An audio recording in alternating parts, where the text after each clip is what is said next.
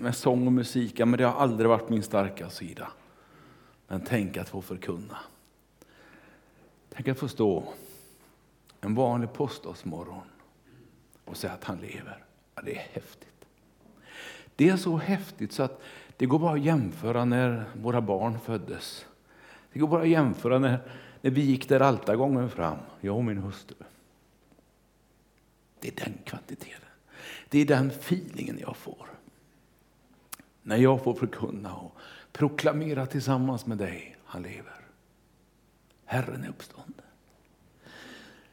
Jag har all världens förståelse för att det är nästan omöjligt att greppa. Jag förväntar mig inte att någon ska kunna säga att ja, jag förstår det där. Det där är jag, det är klart. Utan jag förstår verkligen den som tycker att det där är, nej, det där är för tufft. Alltså att, att tro på korset som vi såg för en stund sedan. Eh, att tro på det, på verkligheterna som hände där. Ja, men det är inte så svårt. Det finns dokumenterat på fler ställen än i Bibeln att han dog. Men uppståndelsen den är knepig. Ja, jag förstår. Jag tror. Även om alla fysiska bevis är borta. Själva gravplatsen är borta. Själva korset är borta. Det finns de som påstår att de har eh, fragment kvar om korset, men skulle du samla ihop det där så skulle det bli ett antal kors av alltihopa. Eh, så, ja, jag har nog lite tvivel där i alla fall. Men det känns som att jag har samma förutsättning att tro som de första lärjungarna hade. För, för dem, att tro på uppståndelsen, det var helt omöjligt. Det fanns inte i judisk tro. Det gick inte. När man var död så var man död. Och de hade sett han dö. Så eh, även om de sen fick se honom så fattade de ändå inte. Inte förrän han kom och sa att ja, men, kolla här, här är märkena i mina händer. Då gick det upp ett ljus. Wow, det kan vara möjligt. Det är han. Och när han stod där på stranden, som vi hörde förut, och hade lagat i ordning lite fisk och han säger kom, jag bjuder på käk idag grabbar. Det är lite extra festligt, jag får träffa er en gång till. Och de ser att han äter. Han, han var liksom vanlig på samma gång som han helt plötsligt stod inne tillsammans med dem i ett låst rum. Det var något speciellt. Och det kanske måste till något speciellt för att en människa ska uppstå på det sättet. Så för mig är det ett val att tro. Jag går inte på de fysiska bevisen. Jag går inte ens på Bibelns bevis om, och berättelse att han tror. Förstår du? Jag kan liksom inte hålla det för ett bevis. Utan det är ett led i hjälpen att tro. Att tro för mig det är inte att leta efter texter och liksom, vet, få det att passa ihop logik och alltihopa det. För det går inte att få en uppståndelse att logiskt stämma. Det går att hitta förutsägelser i Bibeln om det. Det går att hitta och förstå att det här var, det här var en hemlighet som inte var någon hemlighet. Men till slut så blir det i alla fall, jag väljer att tro. Och jag väljer att tro även när livet säger att det är svårt. Jag väljer att tro när livet är glatt och leker. Men jag väljer att tro han är uppstånden. Jag har ett litet smycke som hänger om min hals. Han är min herde. I vått och torrt. I tufft och i enkelt. Han är min herde. Nu ska jag börja predika bara så ni vet. Det där är texten som Ingrid läste. Vi ska titta på den en gång, för jag har skrivit ner. Jag ska inte läsa upp den igen, men eh, vi plockar fram nästa bild helt enkelt. Där har du texten. Och där har du mina tre funderingar som jag hämtar ur texten också. Den där stenen ska vi fundera på lite grann. Och eh, det som jag tycker hör till det lite grann, ni ska strax få höra mer om det.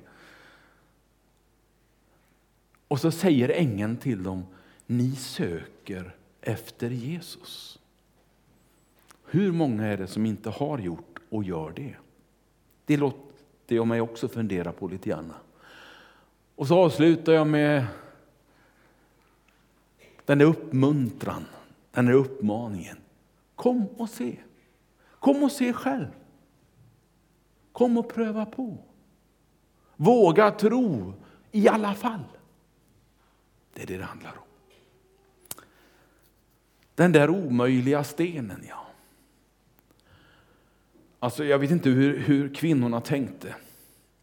De som hade förberett sig och gått upp extra tidigt den här morgonen för de skulle ju gå till graven och smörja Jesus kropp. Det var en sed man hade på den tiden i det judiska folket att hantera de döda på ett väldigt speciellt sätt. För dem var det naturligt. Jag vet inte om de hade glömt eller om de inte visste om att det var en jättesten. Han var kanske högre än vad jag är i idealmeter. och tjock. Kanske vägde, jag har ingen aning, dra till med ett ton då. I alla fall omöjlig för några kvinnor att flytta på. Det var mycket som var omöjligt där vid graven för de här kvinnorna. Det var ju inte så att det kom någon marinsoldater och skulle liksom fixa till det här med tyngdlyftargubbar och alltihopa, utan det var ju vanliga enkla judiska kvinnor. Det gick ju inte. Men hur tänkte de? Hade de släppt helt taget om verkligheten?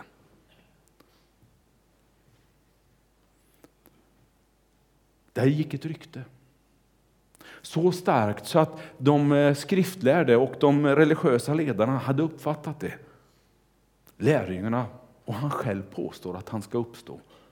Ja, det vet ju alla att det är omöjligt, men bara för säkerhets skull kan vi inte få lite vakter. Och det var inga Securitas-gubbar.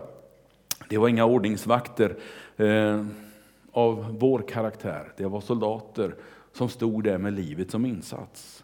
Att somna på sin post, att avvika från sin post, det var tuffa straff med det. Och det visste de om. Och det var inte två soldater, det var fyra soldater som sen blev avlösta av fyra och så gick de så här i runt, dygnet runt. Och det kommer tre, fyra kvinnor och tänkte att ja, men vi kan väl, ja, nej jag fattar det inte. Det räckte inte. Utan Pontius Pilatus, han satte dessutom sitt sigill i stenen, att den inte gick att rubba utan att sigillet bröts.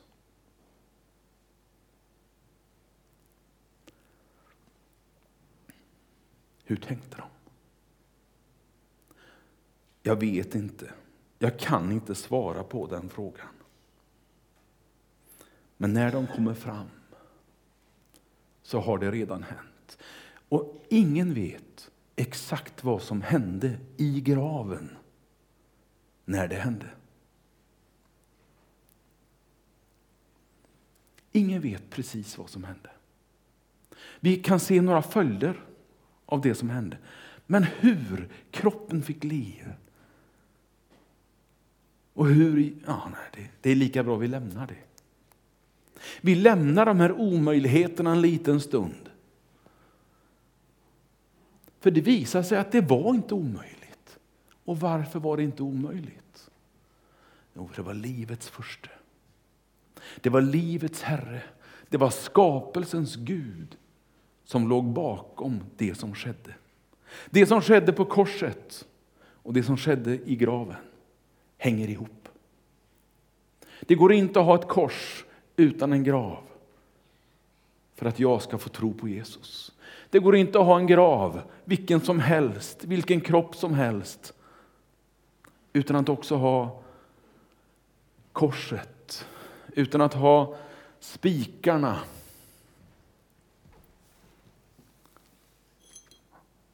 Har du sett dem? De är här. Är det de riktiga spikarna? Nej, sorry, det är nog inte det. Här finns en törnekrona. Allt det här hör ihop. Det hör ihop med min tro. min tro på Jesus som min frälsare. Jag kan inte ta bort någonting av det, och då blir det tomrum. De här kvinnorna som jag har pratat om, Maria och så Maria från Magdala, och det var säkert fler. Det finns lite olika textvarianter på det här, vilka som kom. Och vi är lite osäkra på eh, om det är så att alla kom på en gång eller om de kom lite var för sig. Det finns flera lösningar på det här. Så det var flera kvinnor som var där. De sökte. De sökte. Visst har vi en bild på det också? Jajamensan. De sökte. Och vad fann de? Ja, han var inte i graven. Och jag vet första gången jag var nere i Jerusalem, 1978, 79 var det va? 78. Då var jag och Ingrid där tillsammans med den bibelskola vi då gick. Och jag kommer ner till det som kallas för eh, trädgårdsgraven. Gordons Golgata kallas det för också. Det är inte alls säkert att det var där exakt det hände. Det är kanske till och med säkert att det inte var. Men det spelar ingen roll, för det är så likt. Det påminner så starkt om hur det skulle kunna ha varit. Och på den där lilla skylten, jag har tappat bort det fotot, jag har inte det kvar längre. Den där lilla skylten som står precis utanför den där uthuggna ingången. He is not here, he is risen. Det är, det är en bild som har etsats in i min minne, i min kropp. He's not here, he's risen. Ah, det är så underbart. Kvinnorna kommer dit och de får stå för det med sökare i min tankevärld idag. För det är några jag saknar där, förstår du. Vad höll lärjungarna hus? Varför var inte de med och skulle göra ordning Jesu kropp? Varför syntes inte de där tydligt vid korset? Det var en. Det var Johannes, står det berättat om. Han stod där tillsammans med Jesu mor Maria vid korset. Men sen vid graven så är de borta. De var rädda, tror jag. Jag ska inte påstå att de var fega, för det, det tror jag inte. Men det var någonting åt det hållet. De vågade nog inte riktigt visa sig på stan efter den upplevelsen de hade varit med om. Eller kanske de det är omöjligt. Vi vet, ni kommer ju inte förbi stenen, ni kommer inte förbi vakterna, ni kommer inte förbi sigillet. Det är ingen det ni försöker. Men det fanns något kvinnligt trots i det där på något sätt. Va? Vi går ändå. Men lärjungarna de, de visste hur det var. De stannade hemma. Jag vet inte om man kan lägga in soldaterna i det här med sökare. Men de letar nog länge om vi får tro den här filmen. De kanske letar fortfarande. Alltså, kan du tänka dig fyra rejäla biffar med spjut och alltihopa det här, svärd och hela balletten. Tränade i strid, har varit med om många slag.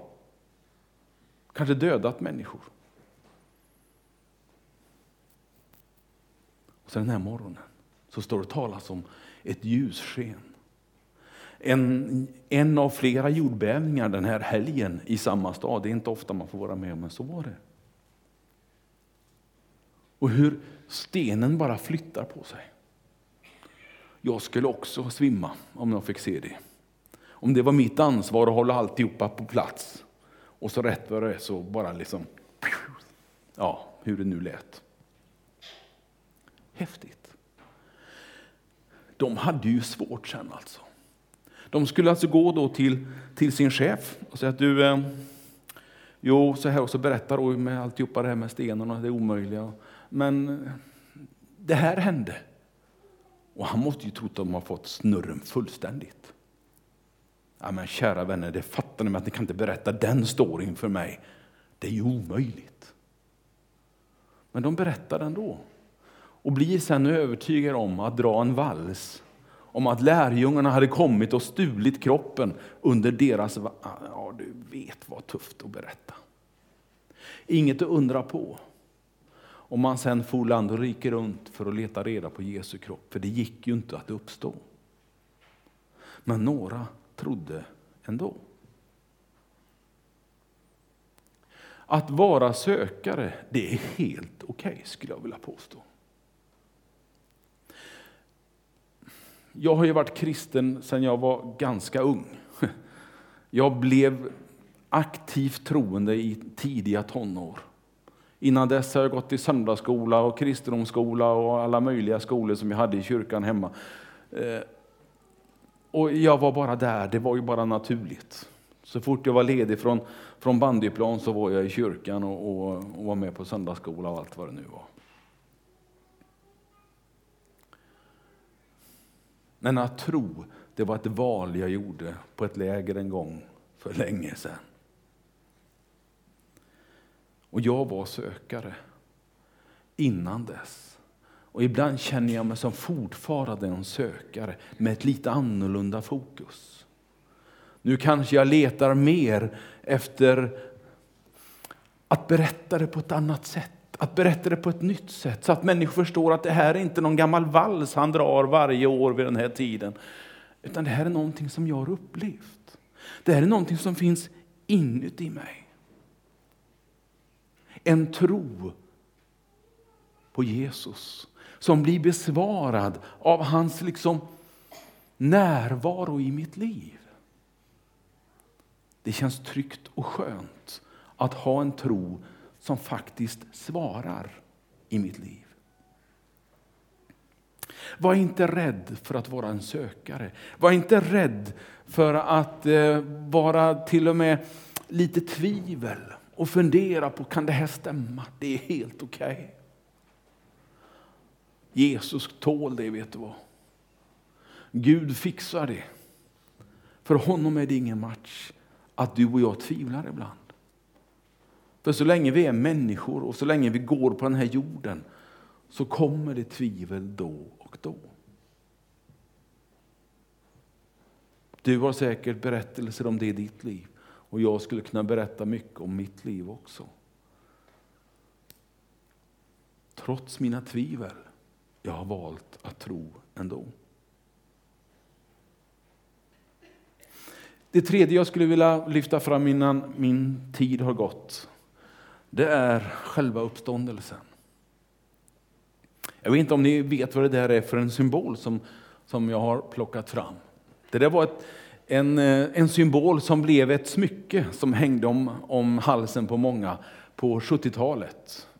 Sigvard hette han, eller någonting sånt där, ifrån Vetlanda. Någon, någon nöjespappa som blev frälst och vände fullständigt i sitt liv och som sen eh, gjorde det här smycket och det blev sålt. Ett kors som liksom hade urgröpats av Jesu konturer kallas för uppståndelsekorset. Jag tror jag hade ett sånt också, men jag har tappat det på vägen. Själva smycket alltså.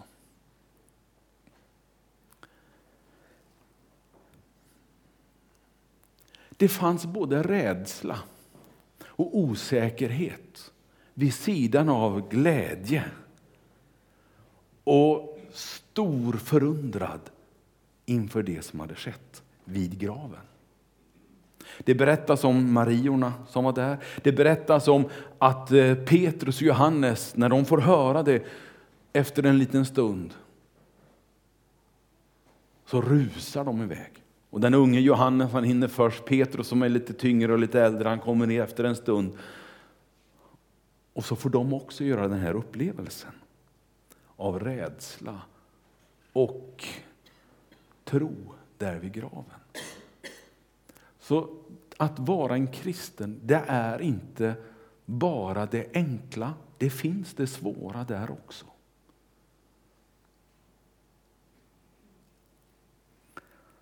Ängelns budskap till dem, han är inte här. Gud har uppväckt, stod det faktiskt i texten. Och jag tänkte, amen vad gött. Jag slipper att ta det på mig också. Jag är så glad för varenda grej som jag slipper att ta på mig personligen. Sådär. För det, det hade varit tufft om det hade stått i texten att han är uppstånden och det var pastorn som uppväckte honom. Åh, käre Gud. Det är ju ingen som ens hade trott på det. Det är ingen som ens tror att en människa kan uppväcka en annan människa. Men när det står att Gud uppväckte honom, då blir det en möjlighet. Kom och se, står det sen. Och det gjorde lärjungarna. De kom och såg. Och det kan du och jag göra också. Vi kan inte gå till graven, vi kan inte gå till korset. Vi kan, vi kan gå till något som ser liknande ut, men det är ändå inte exakt likadant. Utan vad, vad är det som är kom och se? Jo, kom och pröva. Lever han? Du kan tro ändå. Du kan göra som jag, gå emot det som till och med talar för att han inte lever och säga jag tror ändå. Den där lilla envisheten som jag är lite berömd för. Jag vet inte om ni har sett den än, men mina barn och min hustru kan vittna om det. Och halva släkten hemma också förresten. Att han kan vara ganska enveten, för att inte snacka om mina kompisar när jag var tonåring. De hade det inte lätt. Men eh, så är det. Man kan använda det till att jag tror ändå. Om du så kommer med hundra bevis så kan jag ana att jag kommer att säga du, jag tror ändå. Då tar jag fram den här envisheten och säger jag tror ändå.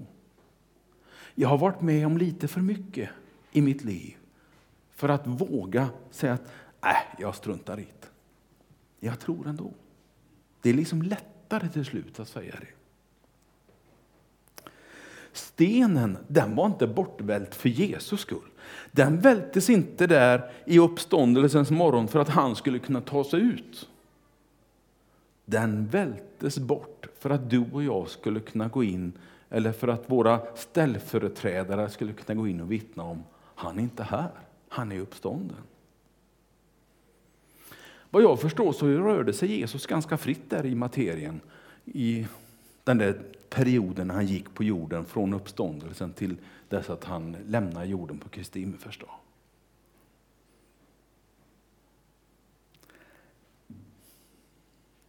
En av de starkaste sakerna som talar mot hans uppståndelse det är att det var så få som såg det här, som upplevde det här. Det var Mariorna, det var Petrus, det var Johannes. Ja, det var lärjungarna fick se honom sen och de började väl fundera på om det inte var sant i alla fall. Men sen kommer den gode Paulus. Och vi ska ta fram den texten. Så blir det slutet. Där ja.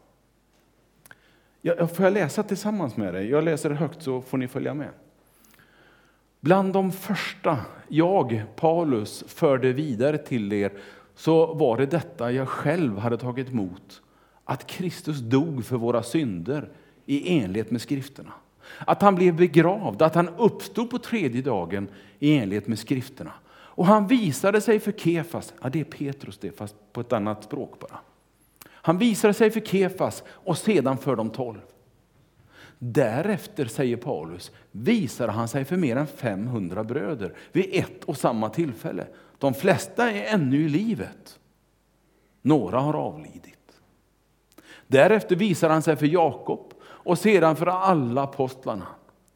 Allra sist visar han sig också för mig, säger Paulus, detta oförgångliga foster. Ja, han är lite ödmjuk där. Det är inte så ofta vi möter det hos Paulus, han kan vara ganska kaxig också. Men det här, är, det här är ju en märklig text. Alltså. Tänk om jag skulle säga det till er idag. Ja, men det jag säger att Jesus lever och det är 500 som har sett honom, de flesta lever fortfarande. Det skulle vara mycket svårare att trolla bort det liksom på något sätt, va? förklara bort det. Paul skrev så.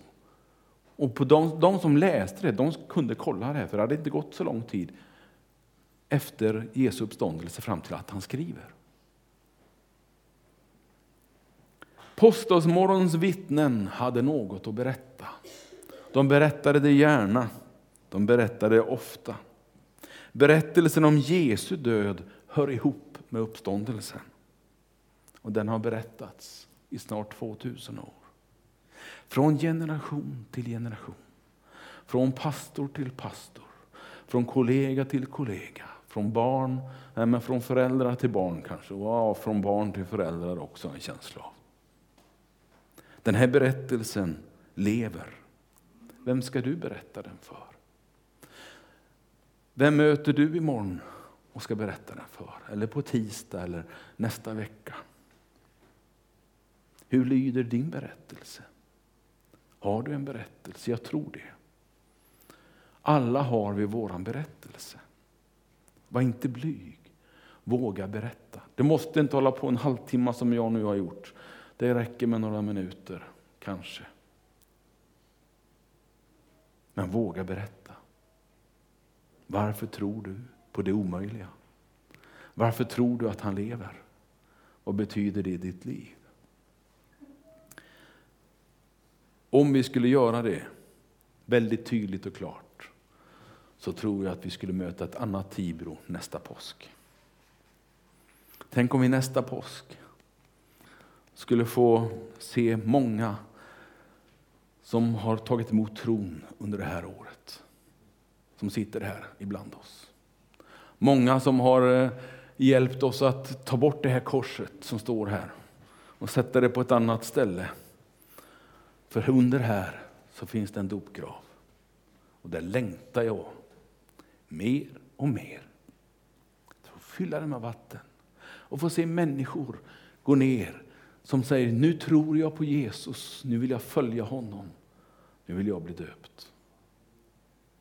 Nästa år är det en verklighet. Då sitter de här ibland oss. Kanske din bästa vän. Kanske din make eller maka. Om vi kan tro på uppståndelsen, då kan vi tro på det. För uppståndelsen är mycket svårare. Men det är samma under, det är samma Gud som verkar. Det är samma kraft som är i rörelse. Och det är din och min berättelse som det beror på till stor del. Herre kär, tack att jag än en gång har fått förkunna att du lever. Herre, nu väntar jag spänt på det år som ska komma. Till nästa påskhelg. Herre, vilka ska vi få se som väljer att tro på dig även när det är tufft, även när det är omöjligt?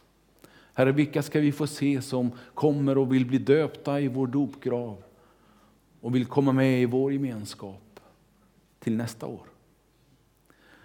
Herre, fyll oss med glädje och tro inför detta omöjliga som vi och du tillsammans kan göra. Amen. Vi ska väl ha lite mer sång och musik, tror jag. Och ska vi se om jag tittar på min hustru, om jag får tala om att vi kan få förbön också. Eh, så kommer vi att ha två förebedjare och de har redan satt sig här. Jag tänker mig, kan inte ni stå med ansiktet i ena hörnan där och om du får plats här Sven, så är du välkommen fram till de här två. Och de har förberett sig och vill gärna be en bön tillsammans med dig. Du får bestämma precis vad du vill att de ska be om. Det finns inga krav på varken det ena eller det andra. Men jag tänker mig att det kanske är lite enklare att samtala en liten kort, några sekunder och sen be tillsammans. Det är inget krångligt, det är inget svårt, det är inget mystiskt. Det är bara naturligt, för så har vi gjort i kyrka, i församling, i den kristna gemenskapen sedan uppståndelsens morgon. Så har vi bett för varandra och välsignat varandra. Gå nu och var välsignade och välkomna till förbön. Vi får lyssna till lite mer sång och musik.